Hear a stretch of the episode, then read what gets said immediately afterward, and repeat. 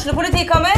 Ine Jansen er purk. Er du purk? The motherfucking bitch. Alt jeg vil, er å finne ut hva som skjedde med mannen min. Jon Carew. Er jeg sikta for noe? Iben Akeli. Det er du. Ole So, Lars Berrum og Big Daddy Karsten. Hvem sin side er du på, egentlig? Anette Hoff, Tone Danielsen, Kommer du fra Afrika? Jørnis Josef, Nesten. Kløfta. Trond Espen Seim, Det er synd å si det, men det var feil mann som døde. Purk. Premiere tirsdag på TV2 Play. Vi må beklage så mye lydkvaliteten på vår gjest Anne i starten av denne episoden. Det gir seg ca. 6,5 minutt ut i episoden, så hvis det er for ille, kan du gjerne spole dit. Og du?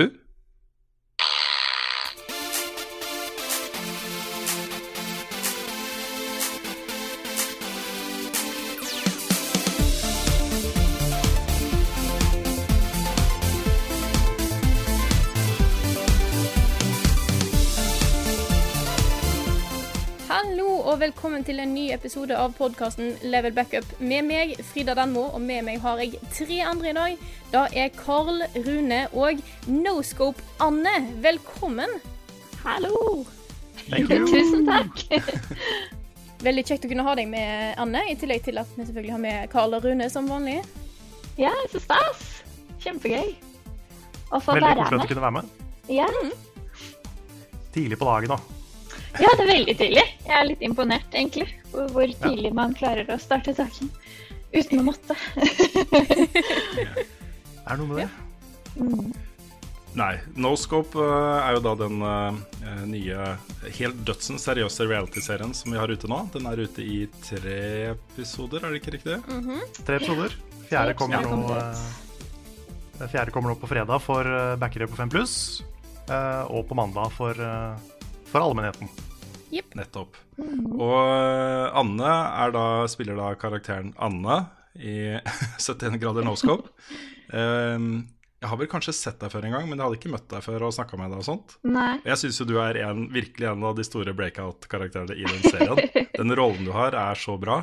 Jeg husker Carl um, uh, begynte jo å sende manus i sommer for den serien her, hvor også din rolle var beskrevet. Og jeg bare sånn, jeg gleda meg sånn til å se den. Det, det, det er så herlig, den rollen du spiller der. Altså. Ja, Er du sånn i virkeligheten også, Anna? Nei, jeg så det var noen som lurte på det, og eh, jeg tror kanskje den er litt inspirert av meg, da. Jeg kan, jeg kan fortelle det én historie, da. liksom- Ja. Fordi um, den, er ikke, den er ikke inspirert av liksom av, av, av deg 100% men det er én veldig, veldig sånn Det er en ting jeg husker fra folkehøgskolen, der hvor, eh, der hvor jeg møtte Anne. Hvor vi satt og spiste middag. Og så var det spagetti bolognese og yoghurt på sida. Eh, og mens vi da satt og prata, det var Charlotte, jeg og ei som heter Ida, eh, og Anne, da, satt rundt bordet og bare prata om et eller annet. Og så hadde Anne blitt litt stille. Og så så jeg bare bort på Anne, eh, og da hadde Anne begynt å bare stæsje all spagettien oppi yoghurten. Ta lokket på igjen og begynne å liksom leke med lokket mens du sa sånn ble, ble, ble, ble, ble. Nei, det gjorde jeg ikke. Jo, det gjør du. Og det var sånn der, Bare det å se at du lagde liksom en sånn spagettimonster ut av yoghurten, var sånn Ja, det her er gøy. Så det var liksom Det har jeg det minnet blackout fra. Nei, det minnet inspirerte på en måte Anne-figuren, da. Ja.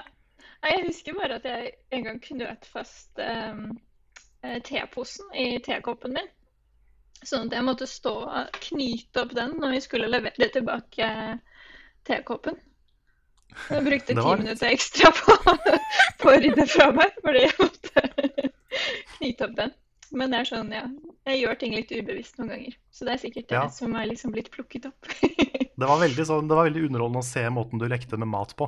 ja. Det var en sånn, der, sånn underholdningsting hver dag på skolen. Mm. Ja. Så bra. Så, det var, eh, så figuren Anne kom litt fra sånne ting. da. Mm. Jeg har fortsatt ikke sett deg liksom hoppe i fallskjerm med søppelsekker og sånn. Nei. Nei, men jeg så liksom for meg at det var sånn jeg ser ut fra Carl sine øyne, da. At jeg virker litt grann som den Anne-figuren. Du er, du er mer enn det, altså. Ja. Det er ikke, ikke bare det, liksom. Nei, men jeg syns Anne-figuren er dritkul. Jeg er veldig glad i den, egentlig. Og så var det ganske greit å spille. For det er- man er liksom bare glad og smiler og ja, er litt rar. Så jeg følte det Mm. passet greit. Men jeg, jeg sleit med å forklare liksom hva jeg så for meg med den figuren. Men så Mm. bare gjorde du det, og det var veldig greit. Ja, først, først så trodde jeg at jeg skulle være litt som Neo i Matrix. Ja, Eh, så sa jeg det til deg. Å ja, jeg tenker liksom på sånn, kanskje jeg skal bare se for meg at jeg er Neo i Matrix, da. Men da, nei, det var ikke helt akkurat det. da måtte jeg korrigere litt. kanskje Nei, det er Anne, du- blir bli, bli Neo. Mm. Mm. Sånn, nei, du skal ikke være Neo, Anne. Du skal le av bæsj. Ja, det er ikke sånn Neo egentlig gjør så veldig mye. Nei. Nei, ikke så mye. Må du ikke spoile fremtidige episoder, Rune? Nei. Nei, det var bare ment som et eksempel. Ja, ja. ja. Nei, det, det går bra. Ja da, Men, så eh, det Ja. Jeg, jeg ser jo det kommer um, Det kommer stadig flere Team Anne-kommentarer på, Ja. på kommentarfeltet, så jeg tror du begynner å få en litt sånn uh, Fanstar, Litt sånn base, liksom. altså. Kult. Er det neste det er episode det blir eh, hjemme hos, hjemme hos Anne-reportasje? Ja, det er Ja. Da det kommer portrettet til, til Anne. Da får dere se meg. kjempe, kjempebra. Ja. Første portrettet vi filma. Mm. Så det kommer da på fredag slash mandag.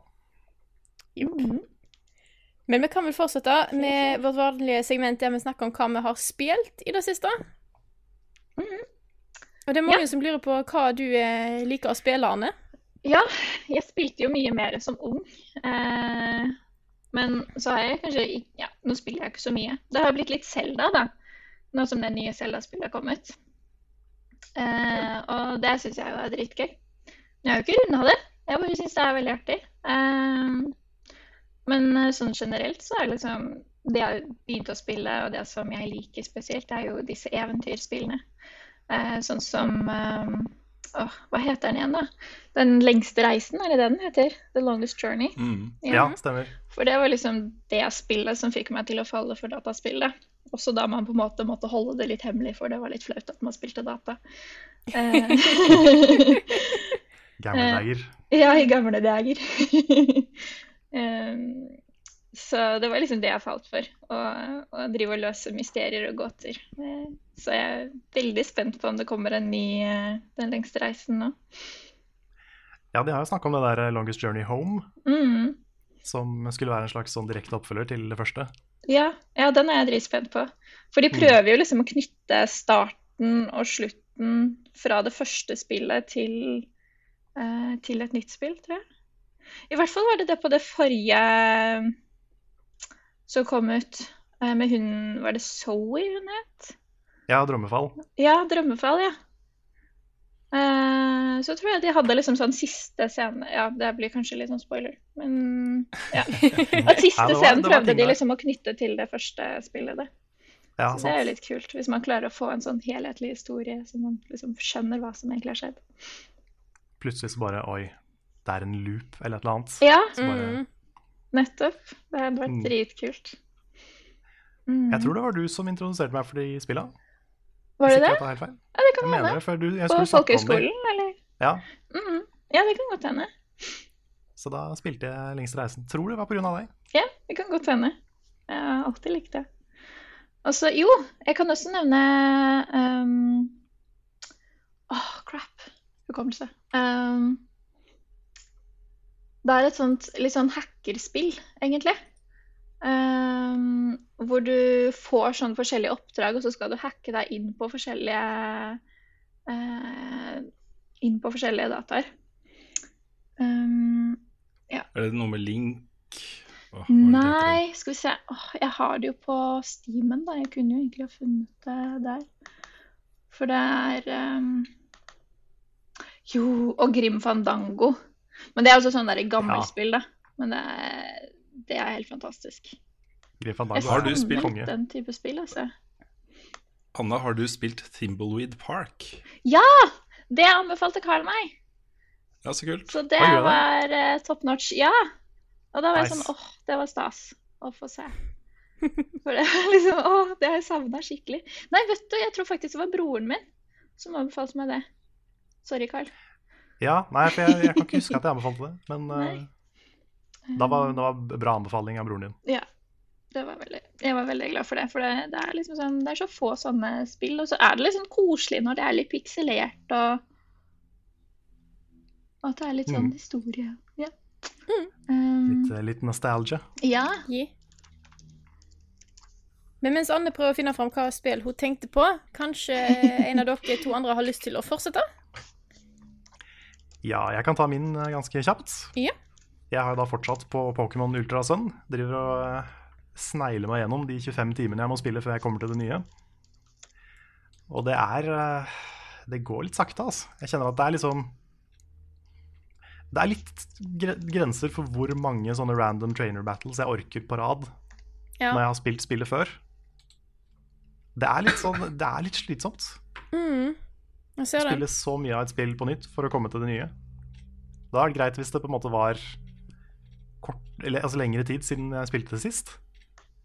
Men Ja. det kom i fjor, liksom. Og jeg spilte det mye i fjor, og så skal jeg spille alt på nytt. Men det, det kommer seg. Jeg begynner å nærme meg de nye tinga. Så eh, kommer en video av et eller annet slag. Jeg må bare komme dit først. Ellers så er jeg oppe i eh, Jeg har tatt litt sånn Pokémon-pauser for å spille Mario. Sånn har det har liksom vært, eh, vært strategien min. Så um, nå er jeg oppe i litt over 800 måneder i Oi. Mario Odyssey. Oi. Så det, det nærmer seg. Not bad. Jeg skal, jeg skal prøve å nå 999. Men da må jeg klare den der drittvolleyball-greiene. Ah, vet du hva? Jeg er usikker på om jeg har tatt den. Jeg har, Ja, jeg har liksom for pleid å ta hoppetau, Ja. det var greit. Ja, det, Liksom, der, det- det er fint. Jeg først kom inn i det der, så tror jeg jeg kom opp i sånn 150, tror jeg. Såpass, ja. Ja. Jeg husker det du sendte meg en sånn Snapchat da du slo scoren min. Ja. Stemmer det. Da var det viktigste, egentlig. Ja, jeg så for meg at du satt der og bare OK, nå Nå skal Ja, jeg for- ta den scoren til Carl, liksom. Jeg først bare sånn, ja, OK, 100. Og så ser jeg på scoren bare sånn Carl er der. Da må jeg forbi Carl. Ja, Jeg tror jeg landa akkurat på samme scoren som deg en gang. Det var sånn Nei. ikke bra, da. Det holder ikke å være like god, jeg skal være bedre. Litt Nei, inspirert men, av eh, den figuren din også, kanskje? Eller din figur er litt inspirert Kanskje, kanskje litt. Grann. Kan, kanskje jeg har litt konkurranseinstinkt. Kanskje det har kommet litt fram. konkurranseinstinkt. Bitte litt. Men det, jeg kan jo for så vidt Fordi den figuren til Frida Mm. Den er også litt inspirert av én scene.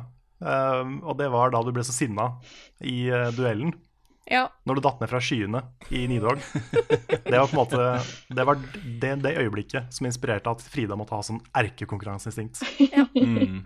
Det er liksom konsentrat liksom- av én episode. på- Ja, det, det er ofte liksom et øyeblikk som har inspirert en figur. Mm. Jeg fant ut, da. Den derre Det er ja. Hacknet, heter det. Mm. Det har jeg ikke Har spilt. dere spilt det? Det? Det er kult. Det kan dere sjekke ut. Og det er jo litt sånn Jeg har et Ja. eh, jeg har et tips til i den gata. Mm. Det kom et spill i fjor, tror jeg, eller forrige fjor, som het Quadrilateral Cowboy. OK. Som også er sånn hackespill, oh, ja. men med litt mer, litt mer sånne adventure-elementer på toppen. Ja, Uh, det høres jo mm. perfekt ut. Ja, for dette, det savner jeg jo litt grann på Hacknet. Uh, for der er det veldig sånn Du blir på en måte som en hacker. Det er nesten litt realistisk, da. For at du bruker jo disse kommandene og, og litt sånn Altså, jeg hacker ikke, men det er jo litt sånn command line, og at du skjønner liksom at det er eh, Det er ikke langt unna sannheten, på en måte. Eh, og eh, Det ikke, men, det er ikke sånn at du må opprette liksom, falske profiler på sosiale medier og kommentere på ting i, i Nei. USA, og at selskapet er drevet fra Hviterussland. Nei, for det er mer sånn at du skal finne ut av ting. Jeg bare så for meg dette er en genial måte å lage en botfarm på, ikke sant? ja, Ja. Du spiller et spill, altså. Det er ikke ekte. Det er ikke ekte. ja Det er ikke- det er bare Og bare whoops! Jeg var visst med på å elekte Donald Trump til president. Oi, det var dumt. Huff da. Ja, det er fort gjort. Ja, jeg har tenkt litt grann på det med det derre Det var sånn iPad-spill også, som jeg selvfølgelig heller ikke husker hva heter, men der skal du lage sånn epidemi, da. Hvor du Å liksom ja, Playgink. Ja, nettopp. Playgink. Mm. Ja. Da har jeg også tenkt på det at hva hvis man egentlig lager en epidemi nå? Ja, hva om det skjer på ordentlig? Hva om det skjer på ordentlig? Det er alltid litt Plutselig en skummelt, dag. det Mm. der. Mm. If you Så die in the game, you die for real. Yeah. Karma. vet Mm. Ja, Men Rune, har du lyst til å fortsette hvis Carl var ferdig med det han hadde spilt? Jeg har spilt Minecraft. Ja. jeg har spilt masse Minecraft. Det har liksom vært Minecraft-uka mi, dette her. Uh, og det er jo et spesielt øyeblikk, fordi jeg har jo ikke spilt Minecraft før. Bortsett fra at jeg var med og umiddelbart døde i en uh, Minecraft uh, Ultra Hardcore-serie, eller hva den het. Multi-hardcore. Multi-hardcore, sorry. Men alle, alle, tror den heter Ultra Hardcore, så det er ikke du er Nei, jeg vet ikke. så, så, det var mitt eneste møte. Jeg Uh, den gangen, da vi uh, tok uh, opptak til denne serien, så bare virra jeg rundt med min nakne avatar og døde sporenstreks av en creeper. og det var det, liksom. Ja. Jeg, jeg, tenkte jo på det litt sånn i ettertid, at det var ikke den beste måten å lære Minecraft på. Nei. Å bare lande på en verden sammen med ni andre som visste hva de drev med. Mm. Og skulle vi forte oss å bygge noe før det ble natta. Mm. Ja. Mens du sto der og bare hva trykker, Hvordan går jeg? Liksom. ja, det var helt på den nivået der. Ja. Gå klarte jeg da, men uh, ja. Det er noe det du må på en måte bare forstå crafting-opplegget og systemet, hvordan noe kan bli til noe annet og sånne ting. Mm. Da, da, går det mye lettere. Men um, ja, jeg har spilt det masse, og jeg spiller det med ungene, og det er bare superkoselig. Uh, trenger kanskje ikke å snakke altfor mye om det, for vi har jo da en episode av Film i tull som er ute nå mm. på kanalen vår, hvor vi snakker masse om det. Um, men uh, det har vært en, uh, en, helt herlig opplevelse, det her også. Uh, noe jeg kommer til å huske lenge. Også et av de store gamingøyeblikkene jeg har hatt. Jeg har gleda meg, liksom. Å, jeg har jo spilt Zelda-mungene og Mario-mungene. Dette følte jeg var enda litt nærere, da, at vi mer opplevde ting sammen. Fordi vi satt og liksom snakka om hva vi skulle gjøre, og de kom med forslag, og så prøvde jeg det, og så Eh, ble det på en måte De ble mer delaktige da, i opplevelsen. Um, og det var, så sitter man liksom Jeg hadde en unge på fanget og en på en stol rett ved siden av meg, så bytta det litt på å sitte på fanget. Så sitter vi rett foran skjermen istedenfor at liksom alle tre ligger sånn henslengt i sofaen. Så ble det en mye mer sånn tett, uh, fin opplevelse av det. Så det skal vi fortsette å gjøre. Mm. Jeg spiller det også alene. Driver og pusler litt med den fine verden som de bestemte seg for skulle hete. Uh, Beste Minecraft? Var det? Ja, det var den første. Ja, okay. uh, men så døde vi jo. Uh, så da neste verden ville de skulle hete uh, Zombie død, tror jeg. ja. ja, stemmer. Så, um, så, det er jo det verden heter. ja, driver og ser litt på oppgradering av bosted og masse, masse greier. Så ja, det her kommer, til, det her kommer jeg til å spille en stund. Jeg syns det er så koselig at du plutselig bare har oppdaga Minecraft. Jeg syns det, det, er kjempestilig. Det er litt flaut å da oppdaga Minecraft. Når var det det kom? Det er liksom sju år siden. Ja, rundt der. Nei, jeg spiller ikke. Uh, jeg liksom, nei, jeg har liksom alltid tenkt at dette ikke er noe for meg. Mm. Jeg har liksom tenkt at uh, her er det for mye sånn uh, samling av materialer. Mm. Og det er sånn Ok, jeg har, jeg har gjort det, liksom. Hvis målet, hvis målet er noe jeg mener er verdt det å fly rundt på månen for å leite etter uh, helium-filaments, uh, liksom, så kan jeg gjøre det en par timer. Mm. uh, hvis resultatet er et våpen, ikke sant. Mm.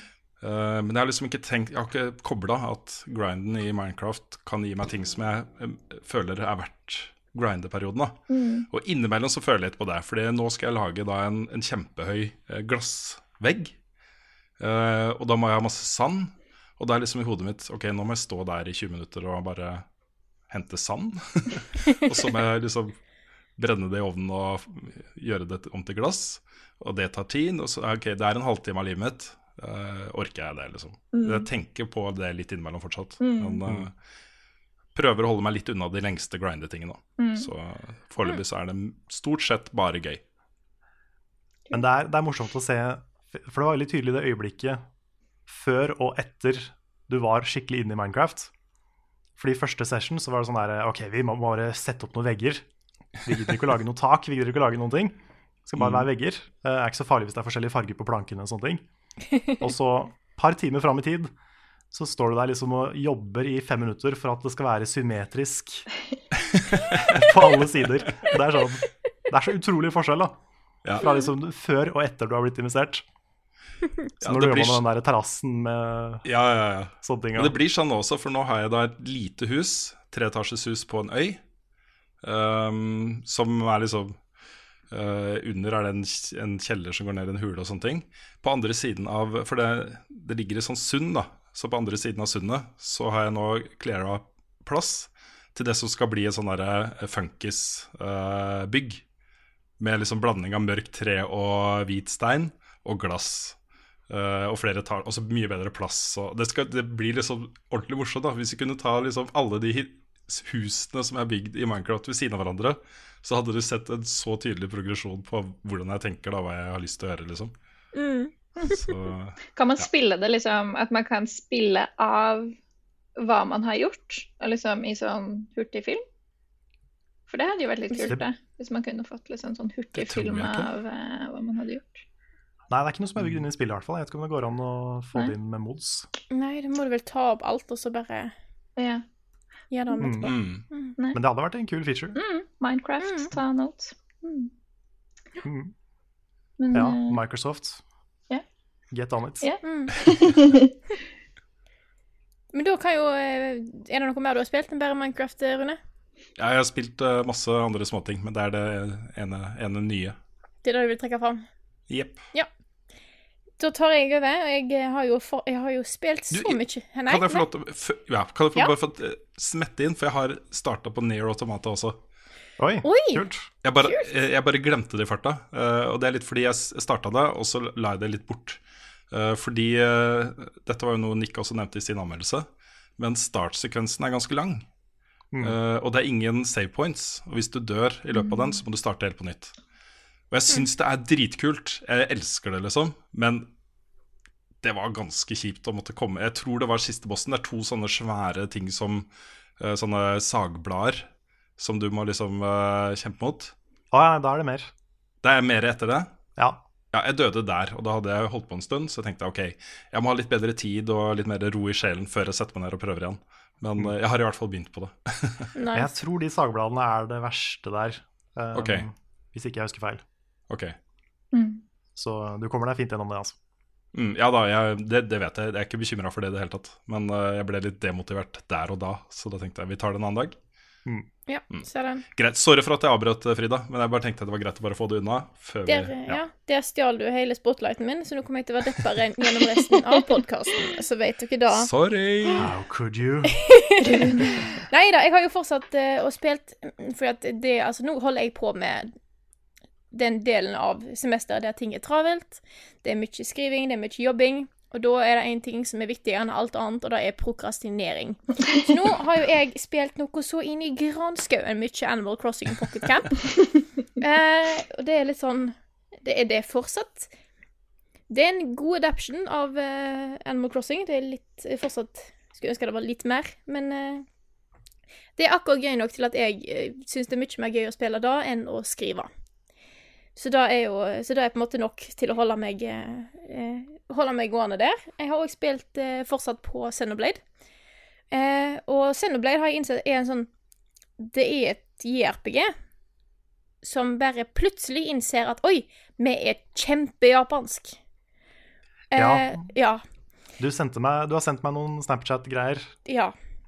For det er Vil du si noe om det? Ja, fordi at det er liksom Det er eh, Første Xenoblade Nei, ikke første Xenoblade. Det begynner å bli en stund siden. Alt det der. Men Xenoblade Chronicles, det var sånn eh, Litt mer sånn europeisk take på en ny RPG, vil jeg si. Karakterene så ikke så anime ut, selv om du hadde liksom litt trekk der likevel, og mix og masse sånn greier. Eh, Xenoblade Chronicles X hadde litt mer den anime-looken.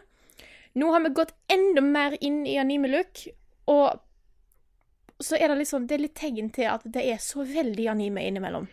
Som regel er det bare sånn standard ting, vanlige cutscenes, går og gjør noe Quest og sånne ting, og så plutselig så dukker det opp en robot som bare står der og har, liksom sånn derre The Peace-tegn, tegn, og bare uh, How can I serve you, master? Og jeg bare I alle dager, hva var det som skjedde nå? Oh.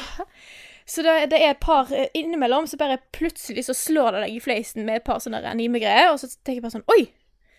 Hva skjedde, hva skjedde der? Eh, det er jo litt sånn sånn som det pleier å være i JRPG. Det er litt boobs. Det er litt Ja. lettkledde damer. Det er litt sånne ting. Du fortalte meg om en sånn scene hvor hovedpersonen våkner, og så er det bare plutselig pupper. det er rart, det der, altså, i anime. Hovedkarakteren har eh, besvimt og våkner da på fanget til en av de andre karakterene, som har altfor store pupper, som stikker liksom rett ut. Det går liksom Det går, det går, det går rett ut. Det er ingen gravity der. Eh, og så våkner han da på fanget til denne karakteren og ser rett opp i ansiktet, sånn at du ser liksom ansiktet til den jenta, men mesteparten er jo bare dekka av puppene hennes. Så det, det er et par sånne ting innimellom som bare plutselig dukker opp. Og det var sånn Oi, oi, oi, det var japansk, ja. Oi, det hadde jeg glemt. Så det er Og dette her har Frida tegna, Ja. uh, og det kommer i et bilde uh, på Facebook oh, til neste podcast. Jeg gleder meg. Så det er minner meg bare litt om uh, Metal Gear Solid 3, hvor det er noen sekvenser hvor da Snake møter det som er en av hans potensielle love interests i det spillet. Eh, og i alle cutscenes i det spillet så er det noen sekvenser hvor du kan holde inne L1 for å um, få en annen viewpoint. Og da ofte gjennom øynene til Snake. Når du møter henne her, da, og holder inne L1, så bare han stirrer rett på puppene. Det er liksom, det er liksom Puppene er eneste du ser, da. Det er sånn utsnitt av puppene. Men så følger jo da Kojima opp med å liksom gjøre det til en greie de snakker om, da. Så eh, det er ment som gøy, men det er veldig japansk. Veldig, veldig japansk. Ja. Det er også en veldig kjent scene i Evangelion. Neon Genesis Evangelion. Det Så ikke vi det sammen, Anne, på skolen? Gjorde vi? Jeg husker ikke, jeg. Men ja, kanskje. Nei, vi så mye forskjellig. Ja. Lenge siden. Men, men der er det en Kanskje du var på månen denne uka? Ja, det kan hende. Ja, kanskje. Det kan kanskje. være. Um, men der er det en scene hvor da hovedpersonen Shinji skal eh, levere et kort, tror jeg, til Ray, som er uh, hun ene jenta. Og klarer da å uh, skvette og snuble over henne mens hun ikke har på seg så mye klær. Lander da med handa på puppen. Det er liksom helt Det er litt utrolig, da. Jo, nå husker jeg litt. sånne Så, ja, Ja. det vekker, eh, vekker litt Det er noe. Mm. Ja, det begynner å mimre. Ja. Så det er, det er rare sånne Det er sammentreff, altså ting som skjer på, på sånne anime-ting. Ja. Ja. ja, nei, det er Ja, kjedelig når man snubler og mister alle klærne sine. Ja, og plutselig så er det bare pupp overalt. Ja. Utrolig uheldig, altså. Ja. Men for de som, bare for liksom sagt da, for de som er redd for at eh, hvis de ikke liker anime og litt sånne greier, eh, så skjer det veldig sjelden dette her i Xenoblade. Det er ikke sånn at det liksom alle cutscenes er super-anime. Det var bare plutselig innimellom så dukker det opp, og det, jeg ble litt sjokkert, men det er litt morsomt òg, da. Men jeg føler det er sånn i Zelda også. At den fairy'n Det er også veldig sånn der Ja. Mye pupp. Ja. Ja, de, de fairyene er alltid litt sånn For de er alltid seksualisert på veldig rare måter. Ja. Sånn, som i Ocarina of Time så er de dritskumle. Ja. Da, da ser de ut som liksom Det er ikke noe du vil møte i en mørk bakgate, liksom. For de ser ut som de kommer til å drepe deg. og sier de det er masse Eh, liv. Det gir ikke mening. Men, Ja, ja. Men de, um, de i Breath of the Wild det er ganske kule, egentlig, syns jeg. Ja. Det er jo modellert etter sånne fertilitetsgudinner og, og sånne Åh. ting. Som er liksom moder jord, ikke sant. ja. Uh, på en veldig sånn Jeg vet ikke sånn det, Jeg, jeg syns det er ganske feministisk, da. Ja. Uh, Måten de er portrettert på, måten de oppfører seg på. Mm. At de liksom Ja. Men det er jo noe der. Han, eh, han syns jo ikke det er så gøy, han Link. Nei. hvert fall ikke Du- når du får de Og så er de litt sånn i overkant glad i penger, føler jeg. Sånn hvis man skal være moderlig, så Ja, det er sant. skal man være litt gnien òg. Mm. Men jeg, jeg vet ikke, jeg liker det designet på de, egentlig. De er jo Mm. veldig sånn der supersminka og sånn shiny og, sånne ting. Mm. Men uh, Men jeg er også enig i det at jeg føler at Selda er blitt litt Altså at det er litt uh, innslag av feminisme der nå. At det er uh, sånn med det samarbeidet mellom Link og Selda. At det er litt mer sånn Ja, kvinnen er mer enn eh, prinsessen som må reddes, på en måte. Mm. Det kanskje ja, det er Selda som på en måte har jobba i det spillet. Ja, Um, det Men da syns jeg egentlig den serien har vært flink til, med at ja, Link er nødt til å steppe inn for å klare å redde Zelda litt, men Zelda gir en ganske sterk battle liksom i alle spillene, og som regel har noe å si på siste fighten. Mm.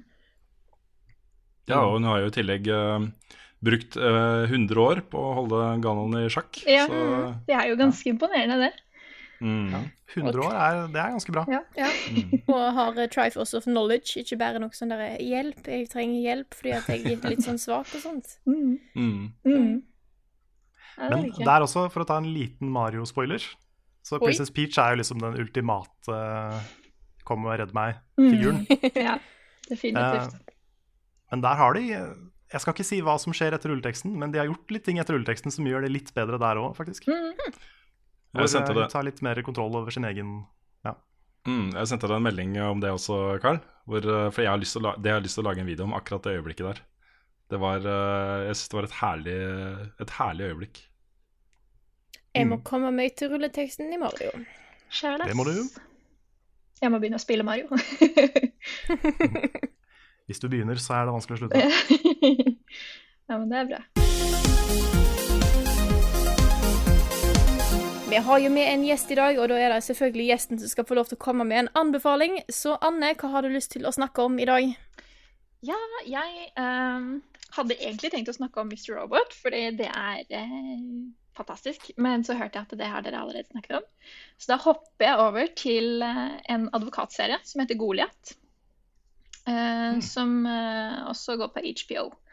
Den har vel gått en stund, eh, men den er utrolig spennende og tar mye sjanser. Og det er liksom Du forventer ikke hvor eh, For det er om en mislykket advokat kan du si, da, eh, som har vært på topp, men så blitt mislykka. Og så hvordan han da går inn i advokatverdenen igjen. Og skal på en måte opparbeide ryktet sitt, og samtidig kjempe mot noe veldig, veldig stort. Eh, og, eh, og den kampen han tar, og hvor, hvor på en måte hele tiden så er det tvil. Er han egentlig gæren? Er han egentlig eh, er han egentlig frisk? Mot, han kjemper mot noe veldig stort. Så der er det mange sånn vendinger og sånn. Og det er veldig vanskelig å ikke se hele serien på en gang. det er utrolig spennende. Jeg har bokstavelig talt gåsehud nå. Ja. Denne anbefalinga gikk rett hjem hos meg. Alle. ja, men se den, for det er en veldig, veldig kul serie. Og, ja, Mm. og også hvis man liker Mr. Robot, for det er litt, du får litt samme fil. Uh, Ja, jeg fikk den. litt uh, Mr. Robot-assosiasjoner når du sa det. Mhm. Det er, uh, det er på en måte ja, kampen mot noe litt større som Mm. kommer frem, og at du ikke vet helt hva er det riktige. Hvor lang er serien? Er det flere sesonger? Uh, jeg tror det er to sesonger nå uh, som har kommet ut. Uh, så okay. vil det nok komme flere, håper jeg da. Det er ikke sikkert, Mm. men jeg håper det. Det hadde vært kult. Kult. Mm. Det er greit med to, to sesonger, for da er det liksom mulig å hoppe inn. Hvis det er sånn fem, seks, sju, så er det litt verre. Ja, Da er det liksom ja, litt ja. jobb. ja, for den er ikke så gammel. Den er ganske ny. Tror den har gått i tre, tre år, kanskje. Det er podkast, det er nyheter, og det er selvfølgelig Rune som skal snakke om det denne gangen, eh, som vanlig. Ja, da vil jeg gjerne ønske velkommen til eh, Destiny 2-podkasten Radio EDZ, hvor vi går gjennom eh, de største nyhetene i Destiny 2-verden. Nei, jeg må begynne med Destiny 2 denne uka her. Eh, og det er rett og slett fordi eh, det skjer store ting i det spillet akkurat nå. Uh, det har jo vært en sånn voksende uro rundt det spillet i community de siste ukene. Og det starta sånn to, tre, fire uker etter lansering på PS4 og Xbox One. Og så ble det dempa litt da PC-versjonen kom, og mange var veldig fornøyde. Og så har det starta igjen når PC-spillerne har begynt å murre litt over endgame-aktiviteter og sånne ting. Eh, og det, det er så morsomt, fordi på tirsdag så lanseres den første delscenen. Uh, på onsdag denne uken så skulle Bungie ha en livestream hvor de skulle vise fram den flotte nye armoren og de flotte nye våpnene og sånne ting, liksom, som kommer i uh, den expansionen. De valgte å kansellere hele den livestreamen fordi de skjønte det ville vært, blitt oppfatta som utrolig tonedøvt i en sånn storm av klager om endgame content og progresjonssystem og XP-greier og osv. Så, og så, videre. så de kansellerte den og lagde isteden en bloggpost hvor de uh, gikk gjennom hva de har tenkt å gjøre med spillet. Uh, og som en Destiny 2-spiller så var jeg veldig happy for det. Jeg hadde blitt dritprovosert av å sitte og se på liksom Hei, her er flott våpen og flott armor og sånne ting. Uh, det jeg vil vite, er hvordan fikser de uh, eh, endgame content. Jeg skal ikke gå i detalj på alle endringene som kommer, men de sier at de nå gjør et skifte fra det Destiny 2 har vært, og det har vært uh, et spill som er mynta på uh, folk som ikke vil ha dette som en uh, deltidsjobb eller hobby, de vil spille seg gjennom de, de har prøvd å lage et spill hvor man spiller seg gjennom innholdet, legger det bort og kommer tilbake når det er nytt innhold. Sånn føles det i hvert fall. Og jeg har vært veldig fornøyd med det. Jeg syns det har vært eh, behagelig. å Bare kunne si ja, nå har jeg gått lei, nå gjør jeg noe annet. Uh, men folk ønsker, det er mange da, som ønsker seg et spill hvor de kan liksom vende tilbake flere ganger i uka og gjøre ting som de føler er betydningsfulle. Og nå sier de at de, alt de gjør nå med spillet, alle endringene de gjør, skal uh, skifte det over mot uh, de som ønsker at Destiny 2 skal være en hobby. At det blir mer sånn som Destiny 1 var, på sitt beste, da, håper jeg. Hvor man gjør ting som man føler er verdifulle, og som gir deg ting som du har lyst på, og som er gøy å gjøre sammen med eh, vennene dine. Så, så det kommer til å skje en del ting der allerede i desember, og det er også outlina masse endringer som skjer i starten av 2018.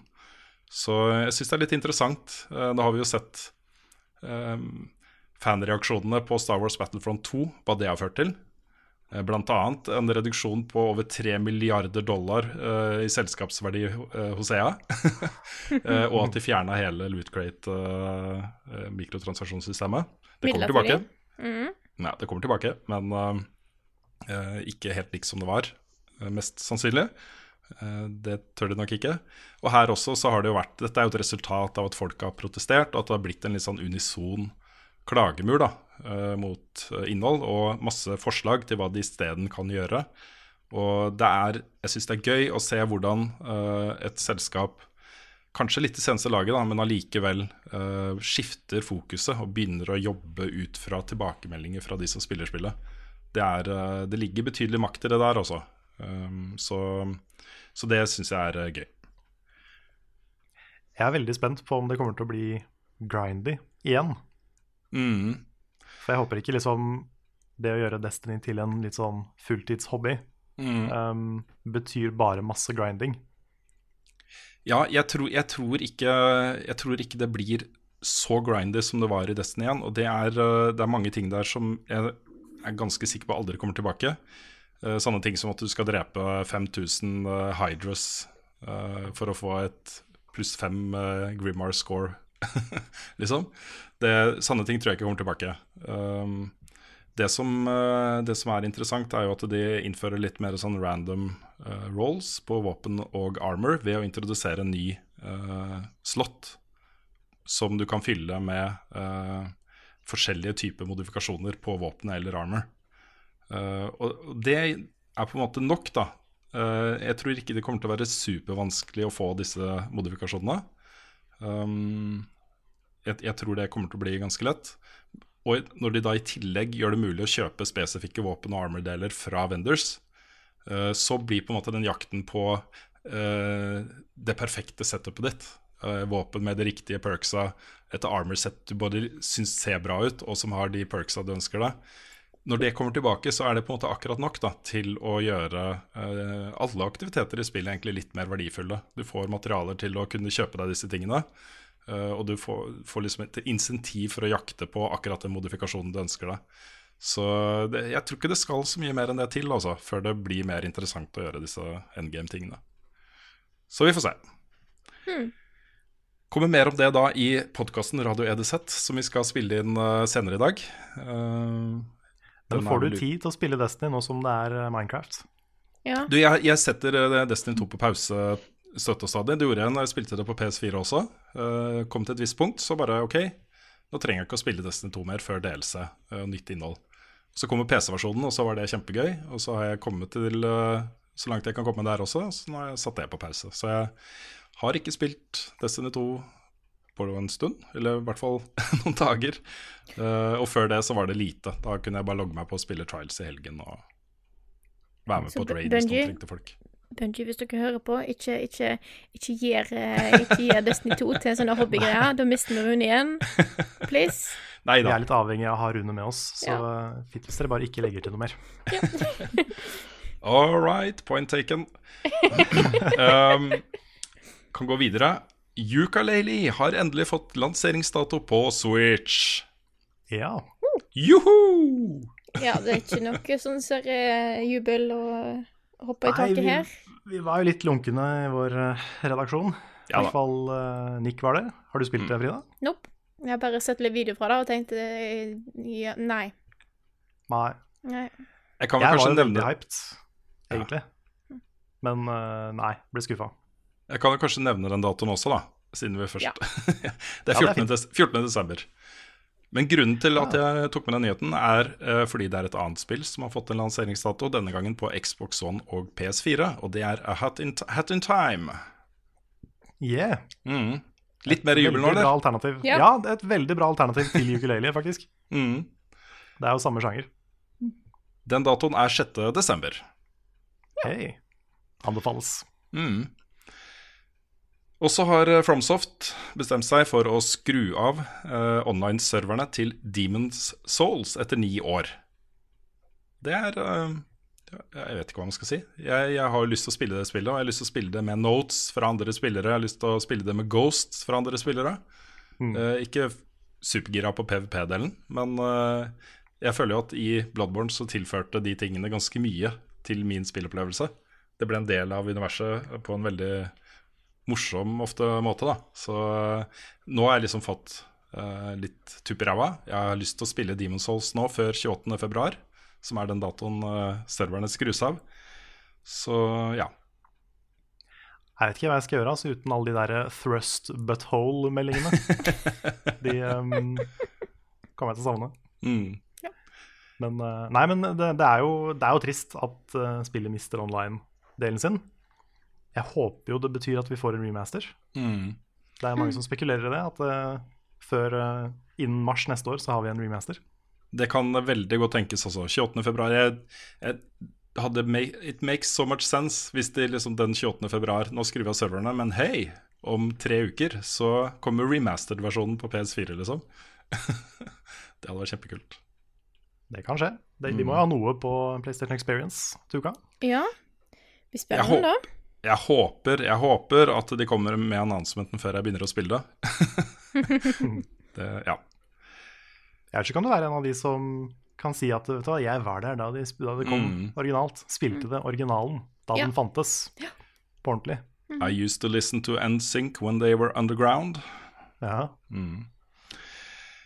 Eh, sea of Thieves, som er det neste spillet til Rare, lanseres jo i starten av 2018, det også. Eh, der kommer det nå en serie med alfatester, uh, hvor de skal bare sjekke om det tekniske fungerer og sånne ting. Det vil være åpent for alle som er det som kalles uh, en del av inside, insider-programmet til spillet. Uh, for å bli medlem der så må du gå til seaofthieves.com og registrere deg. signere på en NDA om at ikke du har lov å snakke om sånn og sånn og sånn. Og så må du være over 18. Eh, men oppfyller du de kriteriene, så, så har du muligheten til å være med og teste, teste det spillet. Jeg syns også det spillet har begynt å se litt mer funky ut i det siste. De siste videoene jeg har sett fra det spillet. At det virker som det er litt mer sånn um, Jeg vet ikke, litt mer Det popper litt mer. Det er litt uh, friskere enn jeg har sett det før. ja, ok. Det var veldig blanda på E3, husker jeg. Mm. Ikke bare hos oss, men liksom i chatten. For det var sånn Halvparten var sånn 'Å, kult! Ser dritbra ut'. Mens andre halvparten syntes det så gørr kjedelig ut. Mm. Så det var veldig sånn polariserende reaksjon. Det som, eh, det som de ikke viste fram i starten, og som de har begynt å vise mer fra nå, det er hvordan kan du ha det eh, gøy med både dine medspillere og de du spiller mot. Eh, sånne artige ting du kan gjøre, som er, er litt sånn Worms-inspirert, virker det som. Eh, sånne crazy ting du kan gjøre, som er å kaste liksom sau på motstandere som eksploderer. Sanne type ting, da. Eh, og hvis de har nok av det, hvis det er nok sånn kreativitet i interaksjonen med de du spiller med, og eh, i kampen mot eh, andre, så kan det bli innmari gøy. Da kan det bli en sånn lekeboks med morsomme ting du kan gjøre. da. Og det er et sånt, sanne ting som et sånn type spill trenger.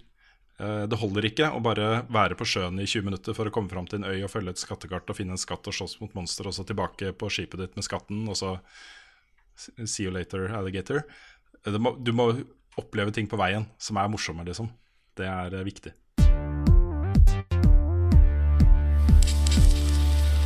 Som vanlig så eh, avslutter vi på en måte Ja, avslutter er litt eh, rart å si, for det er ganske mye igjen av podkasten, men vi kom til siste segment i podkasten, som er spørsmål- og svar-delen. Så da skal vi selvfølgelig begynne med ukens spørsmål. Ja, det skal vi. Ja, da skal vi. Ja, så greit. det kom så bardus på. Jeg hadde helt glemt å forberede noe som helst. Ja, men da er Ja. greit. Da, Her pleier, Anna, her pleier Rune å ha en sånn morsom lydeffekt. Mm. Og Ah, introdusere okay. ukens spørsmål. Jeg skjønner. Jeg ser Rune ta fram, eh, Ja, fram lydboksen. Kommer det nå? Wow. Ja, da ble det. Gratulerer, folkens. Det ble vignett i dag òg. Ja. De gjorde det. Men ukens spørsmål er fra Hild N. Holmquist, som skriver Sånn siden det nærmer seg jul, hva er favorittjulematen deres? Hva er det verste dere vet, og hva blir det ikke jul uten? Har dere f.eks. filmer dere må se før jul, eller kaker som, kaker som må bakes slash, slash kjøpes? Det er litt morsomt, fordi spørsmålene om hva vi Også julespørsmål begynte å komme for en tre-fire uker siden. Og vi var sånn Nei, vi skal ikke svare på jul ennå. Men nå innså vi at det er jo 1. Så da er det på en måte Det er innafor å begynne å snakke litt om jul, syns Ja. vi. Ja. Det er det nå. Ja. Jeg har vi har fått inn flere spørsmål om er det pinnekjøtt eller er det ribba som er julematen. Så vi kan vel begynne der. Ribbe. Ribbe. Ja. Pinnekjøtt! Team pinnekjøtt! Det er bra. Det er Team pinnekjøtt. Ja. 50-50, altså. Ja. Ja. Jeg, eh, Bare skjønner. Jeg liker pinnekjøtt, jeg også. Eh, Men eh, jeg forbinder det mer med julebord med gutta enn jul. Jeg, jeg for- forbinder det mer med enorme mengder akevitt enn jul, liksom. Ja. Ja. Mm. Ja, Ja, nei, nei, jeg har jo egentlig ikke noe sånn religiøst forhold til julemat. Um, men um, jeg vet ikke, vi har liksom bare alltid hatt pinnekjøtt i vår familie. Og riskrem til dessert. Riskremen kanskje er, viktigere. viktigst. Det er viktigere for meg. Ja, meg også. Og det må Jeg være hjemmelagd. spise- Jeg kan nesten spise Grandis så lenge jeg får riskrem. Mm. Jeg Jeg spiser så ufattelig mye riskrem på julaften. Du vil ikke tro det engang. Og nå er det, er det jo jeg da som er ansvarlig for julemiddagen hjemme hos oss. Så jeg steker ribba og gjør alle de tingene. Og ikke minst så sørger jeg for at vi har rikelig med hjemmelagd riskrem. Masse, så mye som mulig. Så jeg koker opp da en svær, en diger gryte med grøt. Og så blander jeg da en diger porsjon med riskrem. Og så har jeg jo fortsatt halvparten av grøten igjen, så da lager jeg en ny porsjon når den er tom. da. Og det er sånn. Ja, det har gått to timer til middag. Jeg klarer en liten porsjon riskrem til. Det er jul for meg, altså.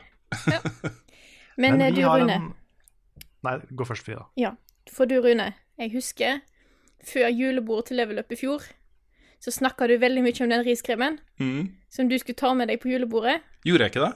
Nei, Å nei. du fikk ikke tid. Ah, jeg skal prøve å få gjort noe med det uh, i år. Nice. Men i, i vår familie så har vi en egen sånn Civil War. Jeg vet ikke om det er felles for resten av Norge. Men har dere sukker på riskremen? Nei. Nei. For det har vi. I hvert fall halvparten av oss. Det er jo sukker i riskremen. Hvorfor skal man ha Ja, sukker er på riskremen? det er. Det er godt med sukker på riskremen.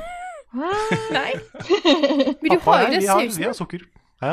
Du har jo den sausen i tillegg, som òg er søt. Mm. Ja, men du må også ha sukker på det. det blir det, det blir bra. Ja, men det er godt, faktisk. Hvis du tar liksom, du trenger ikke så mye, men så litt. Så får du litt mer den der eh, Ja, det, det gjør noe med smaken. Ja, det, tror- det, det er ikke så rart det gjør noe med smaken. da, Det er sukker. Ja. Ja. Men Det blir søtere, Karl. positivt, da. Ja. Det, blir, det blir søtere, Ja. men det er bra. Jeg liker Jeg den friske var- greia, altså. Jeg tror det var i fjor eller i forfjor. Så eh, lagde søsteren min Hun hadde ei ostekake som vi hadde til dessert på julaften istedenfor riskrem. What?! Og det var litt sånn Først var det sånn eh, For at jeg Dette skal jeg snakke om etterpå, men jeg er en sånn sinnssyk tradisjonsperson. Ting skal være sånn som det alltid har vært, og jeg skal snakke om graut etterpå. Bare sånn, sånn at jeg har gjort det. Men jeg var før sånn Skal, skal, skal, skal vi kjøre iskrem? Men søsteren min er jo konditorlærling og kan jo lage kake. Og den var så god. Så da var det på en måte innafor. Nei, det er Eh. ikke innafor. Det er ikke greit. Det er ikke greit. Nei, jeg også hadde blitt helt sånn Det her er blasfemi. Det går ikke. Du, jeg har blitt, jeg har blitt oppriktig lei meg flere ganger eh, på julaften hvis det er en viktig ingrediens som ikke er akkurat sånn som det skal være. F.eks. var det et år eh, Jeg husker ikke om det var eh, hos oss, men hvor det var, var glemt å, å lage tyttebærsyltetøy til ribba, liksom. Mm. Det går jo ikke! Det er jo ikke mulig. Vi har ikke tyttebærsyltetøy til okay. ribbe. Nei. Nei, nei, jeg skjønner. Jeg skjønner. Også, det er ikke Der legger jeg meg ikke opp i hva andre gjør, fordi det er en sånn Nei, ti- ikke vaneting, liksom. Men jeg er vant, Mm. ikke sant. Det har alltid vært tyttebær til ribbe. Kan jeg Ja, men komme, jeg også føler som jul og tradisjon er eh, Ja. ja. kan jeg altså, komme med en, kan jeg komme med en digresjon om min kan Mm. kamp om julegrøten? Mm. Fordi at uh, vi, vi har grøt på julaften tidlig på dagen. Jeg vet ikke alle som har det, men det har vi.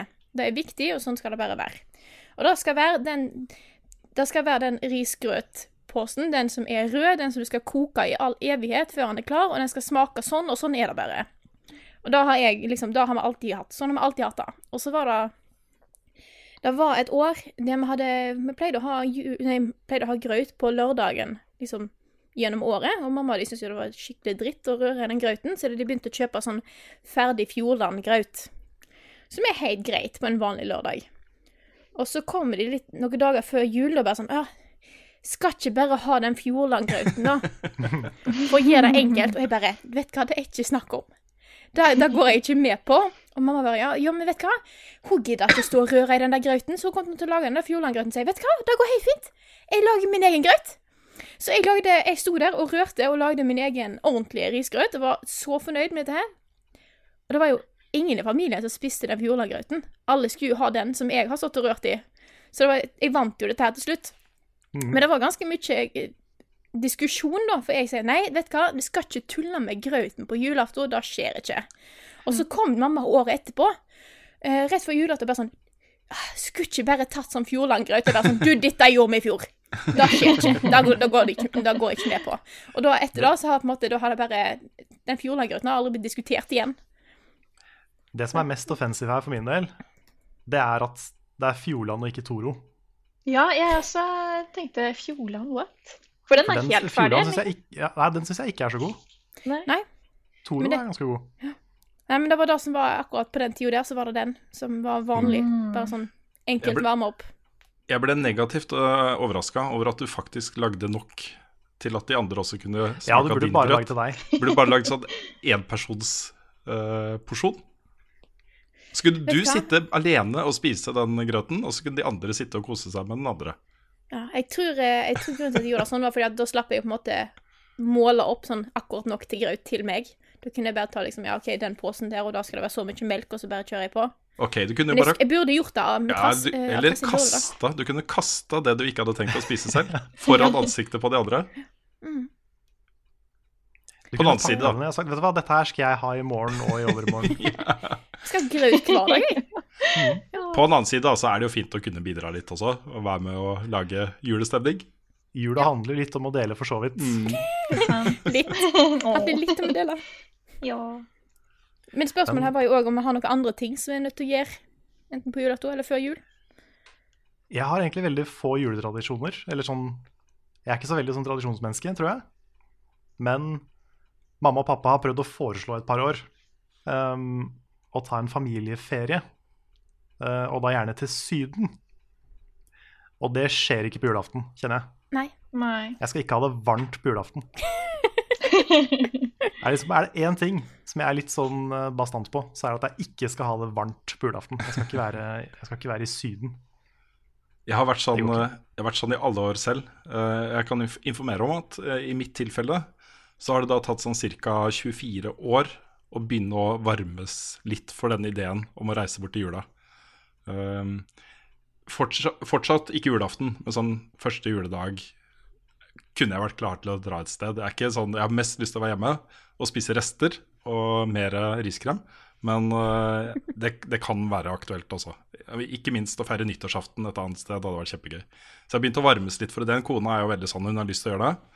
Um, så vi får se, da. Kanskje når jeg blir 50, så er jeg klar, helt klar for det. Men ellers er det jo hjemme hos oss, så er det jo uh, Er vi jo i den heldige situasjonen at vi har barn. Eh, og jula er jo aller, aller best for barn. Og de, nå har de blitt så store at de virkelig gleder seg til jul. Har begynt å komme hjem fra skole og barnehage med julepynt, og det var så gøy, fordi i forgårs så kom uh, dattera mi hjem med julepynt hun hadde lagd på AKS, aktivitetsskolen, som var kjempefin. Det var sånn type pynt på sånn bark, nisse på bark med mose og en kongle, liksom. Ikke noe avanserte greier, men det var sånn som man kunne gått i butikken og kjøpt. Jeg ble sånn wow, det her er kjempeimponerende, og vi overøste henne med skryt, ikke sant. Dagen etter så hadde da sønnen min gått til de som jobber i barnehagen og sagt at han ville lage julepynt. Og var det eneste. Han satt alene og lagde dorullnisse i barnehagen. og kom hjem med den i går da, og var like stolt. da så, så, de tingene der er jo kjempemorsomme. Og ikke minst så er det jeg som er nissen i den familien her. Og jeg gleder meg sånn til de begynner å catche at det er jeg som er nissen. Det er liksom, når, når Jeg tror det skjer i år at Mika dattera mi skjønner Ja, det kan nok skje i år. Ja, hun blir straks syv år gammel, liksom. Det, det kommer til å bli kjempegøy, altså. Jeg husker det, det året der jeg så, så, at pappa var nissen. Fordi at uh, de hadde På den tiden så var det Han hadde sånn teit nissemaske. Sånn skikkelig fake plastikkgreier. Men det var liksom nok mm. til å lure oss ungene. Og jeg er en av de uh, En av de eldste i liksom søskenbarneflokken. Og så hadde vi vært og feirt, vi var feirt jul hos uh, farmor, og pappa skulle ut og fikse et eller annet i bilen, eller hva det nå var, og så kom nissen inn, da. Og så ser jeg at uh, nissen da gir presang til noen på andre sida av rommet, og da ser jeg inn bak maska og bare Å ja, det er pappa. og da, da. Det var liksom det mest chille. Det var ikke noe sånn derre eh, Altså bare dreams shattered og alt sånt. Det var bare sånn Ja, det er pappa. Ja, det, det gir mening. OK. Og så på en måte var det ferdig. En av de mest sånn fascinerende var sånn Å ja. Mm. Mm. Mm. Jeg også var utrolig tidlig ute med å catche nissen. Jeg tror jeg var to år. Oi! Um, og han hadde også sånn nissemaske. Og um, vi var hos mormor, da. Og Han tror liksom han har klart å lure meg, men akkurat idet de går, så bare vinker jeg og sier liksom ha det, Dagfinn. Burn! Og det var liksom Det var naboen til mormor. Så, oh, ja. Oi. Jeg trodde liksom... faren din het Dagfinn, ja, så jeg tenkte Nei. at du sa liksom navnet til faren i tillegg. Sånn... Ja, bare så for å gni det inn. Super cold. Ja. ja. Sånn stone face. Jeg pappa var Nei, fortsett. fortsett. Okay, Jeg husker vi eh, Den der avsløringen av hvem julenissen er og sånt, det dro foreldrene mine ut over et par-tre år. Fordi det første året vi begynte å si ja, det er jo du, pappa, som er julenisse, og begynte å si sånne ting, da. Var fortsatt ikke 100% sikre, men vi hadde begynt å ane ugler i mosen, liksom. Så året etter, da, så hadde de fått en nabo til å være julenissen. Og da hadde jo den dansen ikke sant, at pappa skulle ut og fikse et eller annet. Og vi bare 'Nå kommer nissen!' ikke sant? Vi satt der og var helt der. Og så kommer nissen, da. Og vi bare da, pappa, ikke sant? Og så kommer pappa, og da var det sånn What?! Plot twist. Ja, ikke sant. Året etter så var det da mamma Det var akkurat samme greia. Da var det mamma som var julenisse, plutselig. Men da var det sånn at maska hennes gikk litt ut når hun bøyde seg fram. Og vi kunne se rett opp i ansiktet og så jo at det var mamma. Så da var, liksom, da var leken over. Men det var gøy så lenge det har vært det. Pappa var nisse for eh, naboungene et par år. Og da vet jeg var stort. Det var liksom det kuleste som de ungene så. Fordi at han hadde, fikk fullt nis, nissedrakt og skjegg og hue og alt sånne ting, og skulle liksom ut og bare legge fra seg presangene ute i et sånt lite uthus som de har i hagen. Og det var så kult. Jeg husker pappa sa da at eh, disse ungene sto med liksom store øyne og så gjennom vinduet da når han skulle gå og legge fra seg disse presangene. For da var det sånn Da er faktisk nissen, for pappa er, Faren var jo sjøl inne i huset og alt sånt. Mm. Så det er litt sånn eh, Litt kult når eh, Det var alltid litt sånn stas bare sånn Å, kult, pappa skal ned og Eh, sjarmere disse ungene som er eh, som er naboene, som fortsatt er små og tror på nissen og alt sånne ting. Og litt mm. sånn hyggelig. Mm. mm. Jeg tror jeg bare fortsatte å tro på det fordi at jeg hadde lyst til å tro på det. At ja. jeg liksom sånn, Selv om logisk sett så visste jeg at det ikke gikk an, så, så ja, så var det sånn Ja, det er nissen. Det er et godt ja. poeng, altså. Litt sånn fortsatt, egentlig. Ja, ikke sant. det er et godt poeng. Ja, verden er, verden er, et bedre sted hvis man tror på nissen. Mm. Ja, ikke sant? Det er noe med det. det, noe med det. Men hvordan er dere på juletre? For da vet jeg at det er en del som er sånn Nei, kan bare ha noe plastikktre, liksom. Å nei. Vi har skikkelig tre. Ja, vi har gått ja, innkjøp av plastikktre. Ja. Det er da, uh, Grunnen til at vi gjorde det, var uh, at vi uh, begynte å lese artikler om hvor mange dyr man tar med seg inn i hjemmet sitt med et ekte juletre. Det var jo 15 Men er det alle? 000 eller noe sånt. Ja, men Er det alle trær, eller Ja. er det bare noen typer? Alle trær. Ja, det er det. Ja. Og eh, de fleste av de blir jo værende i treet, men noen av de kommer jo seg ned på gulvet og kravler rundt i hjemmet ditt, liksom. Så mm. det var sånn uaktuelt. Vi vil ikke ha 15 000 nye dyr inn i det hjemmet her. Så, så da ble det plasttre. Og vi har eh, Ja, kjøpt et ganske fint et, da. Også eh, et som kosta ja, like underkant av 2000. Så det er ikke et sånn 300 kroners tre som ramler fra hverandre bare du putter på én kule, liksom. Det er ikke blått, liksom. Nei, det er ikke blått. Det ser ut som et tre. Det ser ut som et tre, Også. Ja. eh, Det skal ikke så mye til for å se at det ikke er et tre, men hvis man bare har det i, i øyekroken når man sitter i sofaen eller et eller annet, så ser det ut som et tre. Mm. For meg så er ordentlig juletre òg en, en av de tingene som jeg er veldig viktig på. Det skal være ordentlig tre. Og da, jeg vet blant annet at uh, Petter ikke er så opptatt av at det skal være tre, men jeg har tenkt til å bare kjøre gjennom med det. Litt sånn, da er min ting. Vi skal ha et tre. Vi skal ha et stort tre. Og skal være masse, man skal ha masse glitter på. Vi har eh, liksom Nå er alle i familien min såpass eh, voksne. Søsteren min er jo 20.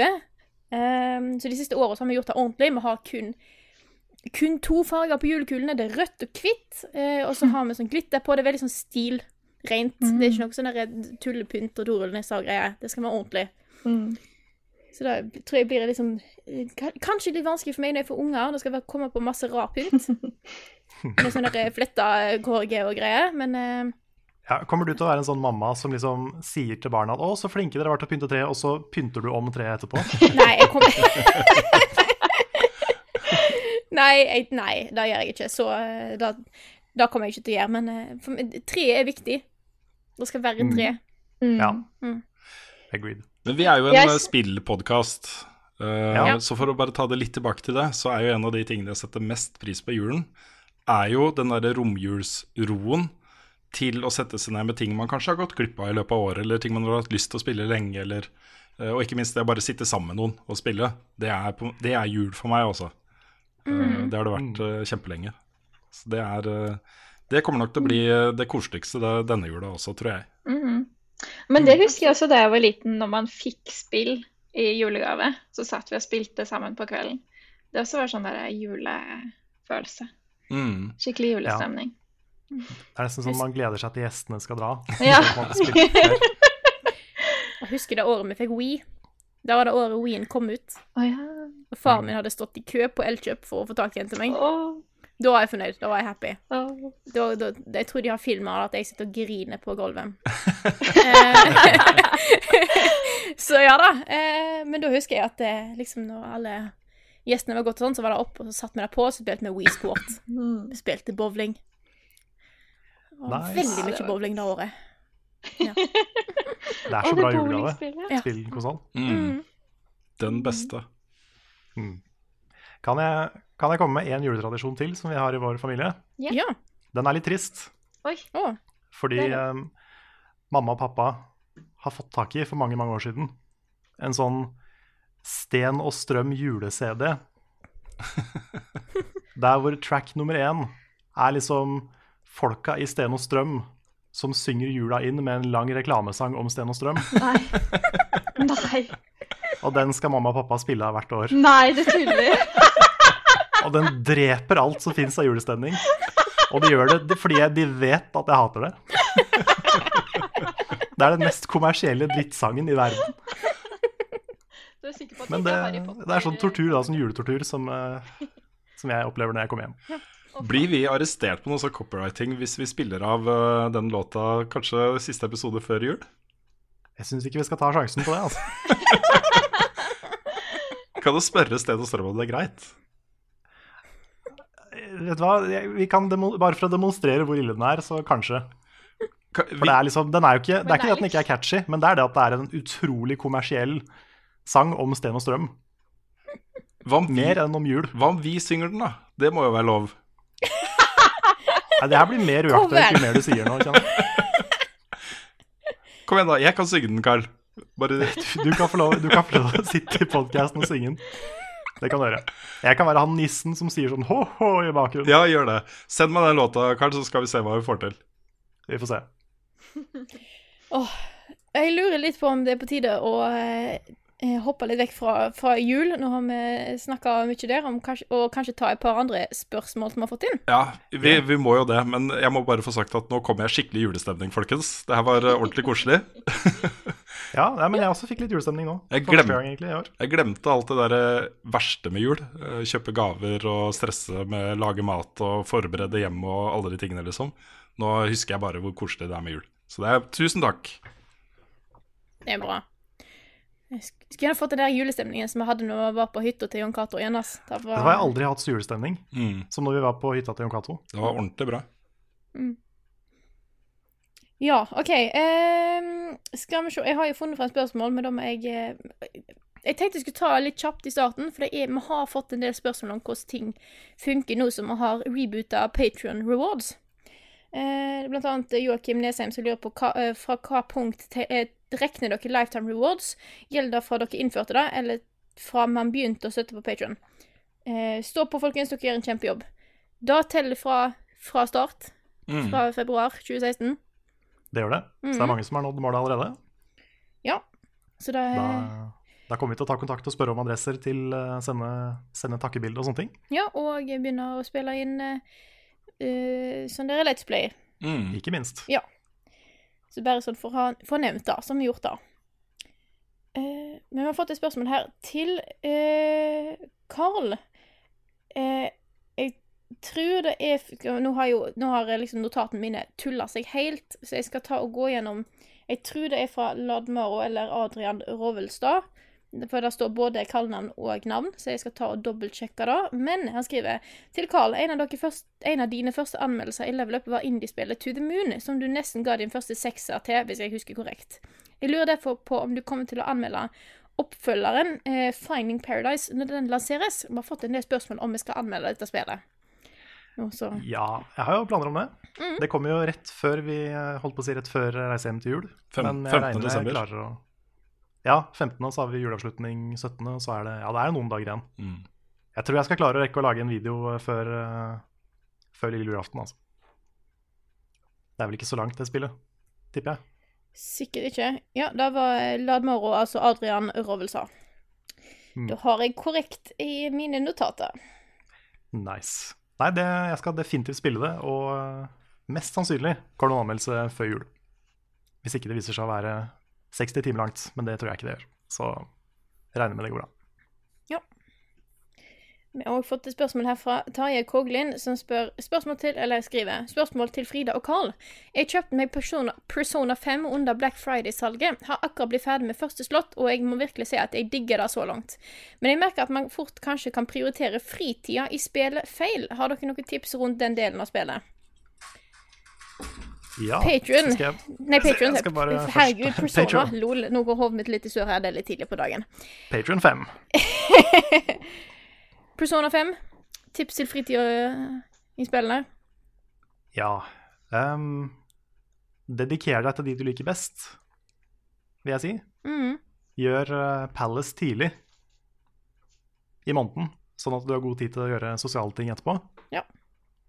Gjør det på færrest mulig dager, hvis du kan. Mhm. Eh, Sånn at du får flest mulig dager til å henge med folk. Um, ja Ha alltid med deg en persona som er samme type som personen du skal henge med. For da, får du, da går du fortere opp i sånn friendship og sånn. Um, Det viktigste er å liksom bare prioritere det du liker. Det er veldig, dette er et veldig forgiving spill. Uh, sånn at du har Bare gjør det du har lyst til, og så går det som regel bra. Mm. Mm. Men jeg ser jo nå at eh, vi har begynt å komme litt ut i podkasten, så jeg lurer på om dere kanskje har sett noen spørsmål dere har lyst til å ta opp? Jeg så det har kommet noen spørsmål til Anne. Er, er alle tatt opp tidligere i podkasten, eller? Vi, har, eh, vi kan i hvert fall ta opp det som vi har fått eh, fra Markus André Lie, som skriver til Anne favorittspill. Um, ja, det er jo et godt spørsmål, da. For jeg- det er så avhengig av tiden og altså når, når man spiller det, holdt jeg på å si. Men jeg, jeg må jo egentlig bare si selv, da. For jeg føler at det er jo Det er så gjennomført, og, og så det, det, veldig, jeg synes, det jeg syns er veldig kult med det nye spillet, er jo at du kan styre hvor lenge du spiller det. At nå driver jeg og utsetter å ta bossen, for at jeg syns det er litt koselig å gjøre de småkvestene. og At man kan velge selv da, Mm. hvor stort spill man vil eh, at det skal bli. Eh, Så det er liksom sånn, du kan både bruke det som litt sånn kosespill, og som sånn gjør det så fort som mulig, eller Ja. Og det er jo sykt imponerende med de som har bare tatt bossen uten å Ja, uten å ha klær på engang. Ja, jeg er spent på å se speedruns av det nå i eh, Jeg tipper det skal være med på eh, Games on Quick i vinter. Ja, OK. Sannsynligvis. Det, det kan bli kult. Ja, det Det er folk som runder det på sånn par timer. Ja, det er helt sykt. Herregud. Det kan bli bra. Mm. Mhm. Jeg prøvde å finne et spørsmål, um, men jeg sliter med å finne det igjen. Jeg har skrevet opp noen spørsmål, men Kaja har revet det papiret helt Altså, det er i så små biter. Det her er liksom en uh, Så det er ikke så mye jeg får lest av det. Kaja er da hunden til Anne. men Ja, ja, sorry. Det er ikke er roommaten som bare? Det er roomien igjen. Men jeg fant det, da. Jeg fant Ja. et spørsmål. Eh, Det er også til Anne. Det er fra Carl Mamilik Pedersen. Eh, Anne, hvordan var det å spille inn 71 grader nålskopp? Ja, det var gøy. Det var gøy, bare. Og litt kaldt. Ja, det er bra. Det er bra du ikke hata det. Nei, jeg syns det var kjempeartig. Eh, Jeg følte jo at min rolle var litt enklere, for det var ikke så veldig lange lines. Og eh, ja, jeg trengte på en måte bare å bruke mimikk og, og bevege meg. Sånn at det var ikke sånn at jeg trengte å huske sånn kjempelange replikker og sånn. Eh, Sånn som Carl måtte. um, ja. Og så var det jo veldig morsomt å prøve på nytt og improvisere litt. og ja, prøve seg fram til det som man gjorde. Og den der mobilscenen, den var jo Den fant vi jo på sammen underveis. det var sånn spontan greie, egentlig. Mm. Mm. Ble til mens vi sto der. Ja. Ja, det er sant. Mm. Men, det, men jeg syns du var flink til å holde deg. Fordi det å liksom stå der og smile på akkurat samme måte mens du gir fra deg sånn åtte mobiler Ja, da begynte jeg å Det skjelve faktisk i munnvikene. Det har jeg aldri gjort før. At det var sånn, Jeg klarte ikke å holde smilet oppe noen ganger, for det bare Jeg bare skalv. jeg så det var noen som Ja. også spurte om det blikket mitt. Det, Ja, da var det. Da skal vi se, da hadde jeg akkurat? Eh, det, det, det er jo det, og så bare snakke med litt som kan ha, liksom, dra ut tida mens jeg Ja, her, Torbjørn Langland som skriver eh, Hvilke eksplosive krefter skjuler seg bak det konstante blikket til Anne? Ja, for det er eh, Jeg tenkte jo egentlig bare at jeg skulle være glad og uskyldig. At det var liksom blikket mitt. Eh, Så når man er uskyldig, da skal man jo ha øyebrynene oppover. Mm. Og da, Mm. da måtte jeg på en måte gjøre det. Og så fant jeg ut at jeg må jo ha litt større øyne også, for at det skal på en måte se enda mer imøtekommende ut. Så tanken var jo egentlig bare at det skulle se ekstremt imøtekommende ut. Men det er så, jeg syns det er så perfekt det blikket, for det går sånn Av og til så går det nesten over i litt sånn skummelt. Ja. Men det er aldri helt. Så det er liksom mest koselig. Det Ja, det er flott. akkurat på grensa der. ja. Jeg vet ikke om jeg hadde klart å prate med noen som eh, hadde et sånt blikk selv. Nei, hvis det varte veldig lenge, Ja. så er sånn, kanskje, kanskje fem minutter, så hadde det vært sånn Oi, hun var koselig. Hadde det vært en time, så hadde det vært sånn Oi, hva, Hun var skummel. hva var det for noe? Ja, litt skummelt. Men eh, det er jo første gangen du var med på noe sånt, i hvert fall med oss. Mm. For det er mange som lurer på hvordan du kjenner Altså Ja. hvordan, hvordan du havna med i den serien her. Ja, det er jo Carl, da. Gikk på folkehøyskole med Carl Martin, og så ja. Så Mm. vi kjenner jo hverandre. Og eh, We go way back. we go way back! ja, så spurte jo Carl meg om jeg hadde lyst til å være med og spille i en serie. Så tenkte jeg det hørtes gøy ut. Så fikk jeg se rollen også, så bare åh, det så dritartig ut. Jeg har jo jeg har hatt lyst til å ha deg med på ting før også. -hmm. uh, Men nå dette hadde vi liksom muligheten med at jeg var i Oslo og hadde tid Mm. til det også. Sant. Mm. Altså, det, var, det var veldig gøy å få deg med. Mm. Og så er det ekstra gøy, syns jeg, at din figur, altså din, din character, er en Altså spilles av noen som folk ikke har sett før. Ja. ja, for jeg var ja. litt litt gøy. spent på hvordan det skulle bli mottatt. At, uh, ja, at det ikke var noen som bare åh, hva gjør den rare personen der, liksom? At det ikke blir Vi Mm. vil ha alle de gode gamle. noen som Så- ikke er med i Level Up, liksom. Ja, ja ikke sant? Mm.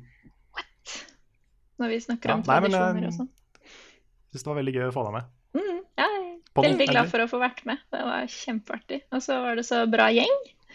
Det må jeg jo si. Det var Det kjempehyggelig var veldig koselig Ja, det, er så, det er så deilig med en stor gjeng som det bare er eh, noe godt med, holdt jeg på å si. At det er, det er ikke noe vondt i noen der. Det er bare Alle er så koselige. Nei, det var liksom, det var liksom ingen som uh, gikk rundt og var sinna og ropte og skreik og kasta ting. Nei, Med mindre det var skuespill. Da Ja, ja da, da hendte det. Det var det eneste. Men ja, jeg følte det var god stemning, altså. Veldig god stemning. Mm. Jeg blir jo litt sånn eh, Jeg blir fort litt stressa når jeg vet at jeg skal liksom regissere en hel gjeng og lage, et, uh, lage en hel serie på en helg og sånne Mhm. ting. Men uh, jeg merker at jeg blir ofte veldig sånn sentimental etterpå. Oh, ja. At det blir Også sånn litt når jeg er stressa. Ja, at det blir sånn tomrom, på en måte? At du har liksom hatt så Ja, mye Eller at det Jeg mer liksom- sånn Jeg vet ikke, jeg har liksom tenkt veldig, veldig mye hele tida Mm. i løpet av den helga. Mm. Uh, bare OK, vi må filme det og det og det, vi må gjøre det og det. Mm. Gjøre sånn og sånn, vi må ha det og det. Mm. Hele tida. Bare tenker jeg liksom Jeg er litt stressa på at alt må bli filma. Mm. Og så etterpå, når vi liksom endelig er ferdig, så får jeg den derre Jeg er så glad i dere! Så det var, det, var veldig, det var veldig veldig deilig og veldig koselig når vi var ferdig. Ja. Mm. Det var veldig koselig mens vi holdt på, Ja. men uh, det var lettere å liksom slappe av og, Ja. uh, og tenke på alt det som var koselig når vi var ferdig. Ja. Ja. ja, ikke sant. Men uh, jeg syns jo du var veldig flink sånn under eh, innspillingen. Så jeg følte at det var veldig Du hadde så god kontroll, og ja, du og og Frida så følte jeg var veldig sånn god kontroll på manuset. For jeg hadde, altså mitt hode så hadde det blitt helt sånn Det hadde blitt helt kaos, liksom. Eh, Å takk. drive og jo, eh, sortere mellom måtte jo alle employe Frida for å, for å hjelpe meg å ha litt kontroll. Mm. Null stress. Mm. Mm. Syns du det var vanskelig å huske manus, Rune? Ikke så veldig. Det Du hadde like ikke- lange lines som meg, du, kanskje. Nei, det var uh, ikke så mye jeg, jeg sa. Det var helt greit. ja. Jeg var jo også den som hadde minst tid til å være med, så jeg vet ikke om det var en del av uh, eh, vurderingen da det ble bestemt at min karakter i serien skulle være som den var. Men uh, det var jo mange av mine scener som jeg bare spilte inn sånn tyrt-tyrt-tyrt, uh, og så Mm. er de spredd utover hele, hele serien, da. Mm. Eh, Ja, sant. Ja. Nei, det var en kombinasjon av ting. At du hadde litt lite tid og tenkte vi liksom OK, men da, da kan du bare være en litt sånn skummel, stille presence Mm. i skogen. Kanskje det er liksom beste måten å bruke tida di på. Mm. Så da, da gikk vi for det. Mm. Jeg syns det funka. Enig. Det er også veldig mange som har spurt om eh, Bjørn er inspirert av Bent Leikvoll fra 'Nissen på låven'. Og han er jo det. Men jeg føler at han også er litt Asbjørn. Mm. Fordi han er, liksom, han er mye snillere enn Bent. Mm. Og han, er, han har liksom bare noe godt i seg, og han er ikke så opptatt av å vinne. Han er ikke, sånn, han er ikke helt Bent. Mm. Han er også litt den der koselige som bare har lyst på en kompis. Mm. Så, pluss at han er litt av den der folkeligheten som bare Bjørn får til. Ja. Så, så Ja, er liksom herregud. 33% Bjørn, 33 Asbjørn eh, og 33 Bent. Mm. Og 1% Kanskje 30, 34% Bent. Det var så fascinerende å på en måte bare følge med på Eller se på når Bjørn skulle spille inn scener. For det er så mye der som bare er, som bare er dikta opp der og da. Ja. Ja, ja. ja. Den der eh, Star Wars-pønnen hans, Ja. det var bare én pønn, det. Men så gjorde Bjørn det om til sju. det der med jabbakaker og sånn, han bare fortsatte, liksom. Det er det som er så gøy med Bjørn, at han bare fortsetter. Mm. ja. Og når han skulle trøste Nick der ute, sant Ja. Ja. Når han skulle trøste Nick, bare sånn Ja, hva var han var på eh, På Rimi? Ja, Og, klaga på at det var ikke sjokolade, sjokolademelk? ja fordi det også var en sånn scene hvor jeg sa til Bjørn um, Jeg har lært åssen jeg skal regissere Bjørn med åra, fordi jeg har jobba mye med han. Uh, og Bjørn er så mye bedre uten manus enn han er med. Så nå har det kommet dit at jeg liksom bare sier hva som skjer i en scene, og så skal Bjørn bare gjøre det. Uh, og det som skulle skje i den scenen her, var at han skulle trøste Nick. Bare si at uh, Fordi vitsen er liksom at OK, Nick var slem mot Bjørn fordi han fikk beskjed om det. Men det er Bjørn som trøster Nick, det er ikke Nick som trøster Bjørn. Eh, det var på en måte joken. Og så tar Bjørn det, og bare begynner på en sånn her lang historie om alle gangene han var sur på en person i kassa for at ikke de hadde den tingen han ville ha. Ja. Altså, mange år tilbake i tid, liksom 1997, så var det grillpølse og greier. Er sånn, For det som jeg, synes, det som jeg husker, da, er at uh, i serien så er det kutta liksom, Først så snakker han om Rimi, og så snakker han om Statoil. Og så snakka snakker han sånn jeg husker 1997, og så kutter han der. Men Mm. han holdt jo på lenger. Han begynte å snakke noe jysk og noe greier. ja, ja. Han Nei, bare, det var mye. Han var bare slutta aldri. Så fascinerende å få med seg. Mm. Nei, Bjørn er det, er det er så gøy å jobbe med Bjørn sånn, på sånne ting. Mm. Han er, ikke, han er ikke sånn superglad i sånne svære, tidskrevende produksjoner sjøl. Men jeg syns det er veldig gøy å ha han med. Så jeg spør alltid veldig pent om han har lyst til å være med. Ja. Men jeg så jo, vi hadde fått et spørsmål her, og nå skal jeg finne ut hvem det var som sa det, men det var noen som spurte om eh, nå som eh, Kosekveld blir rebuta, om det kommer til å være like Hva var det, usensurert som eh, som før? Var det ikke det det Ja. sto? Jo. Vi, um, vi er jo litt andre personer nå enn vi var. For det er jo fire år siden vi lagde de første episodene. Så det blir jo en litt annen serie, sånn sett. Men det blir nok fortsatt en del litt sånn eh, utleverende kleine historier eh, fra livet våre og sånne ting. Um, blir nok fortsatt litt banning. Det er mulig liksom, de, de groveste glosene blir kanskje erstatta med en liten sånn Max Mekker-latter eller noe annet. Eh, vi får se. Men um, det, det, kommer bli, det kommer til å fortsette å være ganske åpenhjertig og ganske, ganske, ganske barnslig på sikkert noen områder. Ikke fullt så mye roping, for det er litt slitsomt. Så vi, Ja. det, det blir mer samtaler, tror jeg. Så det blir nok, det blir nok litt annen kosekveld, men mye av det samme. Jeg tror jeg fant Det står i min altså, Noah Kristoffer Grindbakken Heggeli, som kom med det spørsmålet der, så har vi gjort det, gjort det ordentlig. Aha. Riktig. Noen som har eh, noen siste spørsmål som vi kan eh, besvare på da? Vi fikk et eh, bra et fra Daniel Alexander Johnsen, eh, som spør om det er noen film eller TV-serier hvor dere har heiet litt på skurken. Det syns jeg var bra. Ofte så får man jo litt til Og så innerst inne så, så er liksom bad guysene er så kule at du heier litt på de også. Uh, det er mange eksempler også på hvor den følelsen har blitt liksom Det har skapt serier eller filmer. Uh, F.eks. Dexter, uh, Sopranos, eh, Death Note. For eksempel. definitivt. Um, men jeg tenkte å bare trekke fram eh, et par eksempler som jeg eh, kom på i farta da jeg så det spørsmålet. Eh, Natural Worn Killers er for meg liksom den ultimate heie på bad guys. Og de er så åpenbart bad guys. De er serial killers, liksom. Og de bare liker å gå rundt og drepe. Men det er et eller annet med det, og det er jo lagd med vilje, da. Det er jo en av de grunnene som gjør den filmen så bra. Det er den derre at du skaper en litt sånn suggerende følelse av å bli dratt inn i deres verden, og eh, at det blir romantisert. da Og så begynner du å reflektere over hvorfor du digger det, og hvorfor du eh, synes dette er tiltrekkende på en eller annen måte. Det er jo den måten filmen er lagd på. Eh, det er derfor jeg syns den er genial. For det er jo forferdelig, de tingene de gjør. Og så må du liksom stille deg selv noen spørsmål etter å ha sett det, og etter de følelsene du får, og, og sånne ting. Eh, men det er særlig én scene der hvor, eh, hvor eh, Woody Harroldson blir intervjua. Det er et TV-team som endelig får innpass i fengselet for å intervjue han. Eh, og så er det en sekvens hvor de spør eh, hvorfor. Hvorfor han har gjort alle disse tingene han har gjort. Og da er det sånn alle er stille. alle i fengselet følger med på. De sitter og på, står og ser på TV-ene som er montert på vegger og sånt. Det er liksom, du kan høre en knappenål falle, alle venter på det svaret. ikke sant? Så ser den inn i kameraet, så sier han Me, I'm just a natural born killer. Og så blir det jo riot i fengselet, og alt går av hengslene. ikke sant? Men hele den sekvensen, da, det er, eh, jeg syns det er interessant. altså Den sier noe om eh, romantiseringen av voldsfigurer i media, som jeg syns er eh, spennende å eh, både tenke på og diskutere. Så ja. Så må jeg også nevne Spike i Angel eh, og Buffy, Buffy-serien.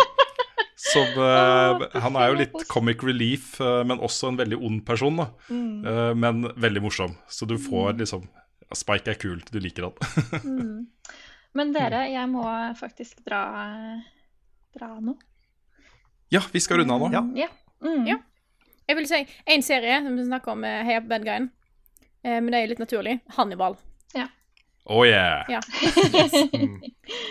Men eh, det går helt fint. Vi kan gjerne ta og runde av nå. Um, så da vil jeg selvfølgelig eh, først begynne å si tusen, tusen takk til alle dere som støtter oss på Patron. Dere er, det er, Vi tuller ikke når vi sier at vi kunne ikke gjort dette uten dere.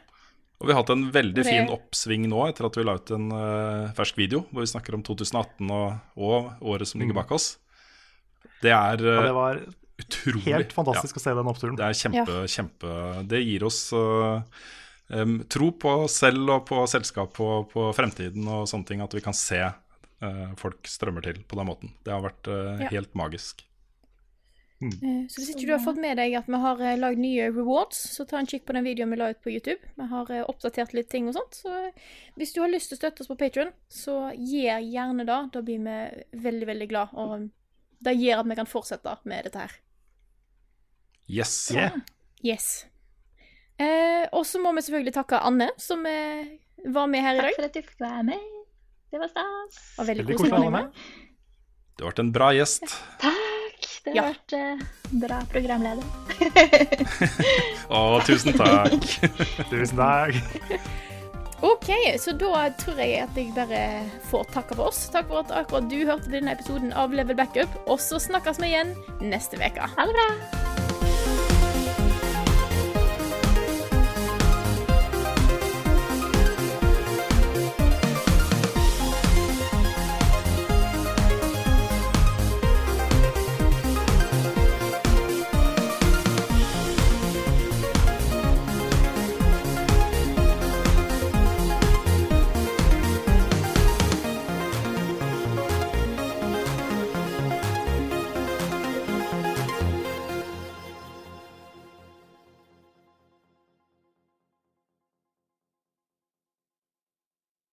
Har du et enkeltpersonforetak eller en liten bedrift? Da er du sikkert lei av å høre meg snakke om hvor enkelt det er med kvitteringer og bilag i fiken, så vi eh, gir oss her, vi. Fordi vi liker enkelt. Fiken superenkelt regnskap.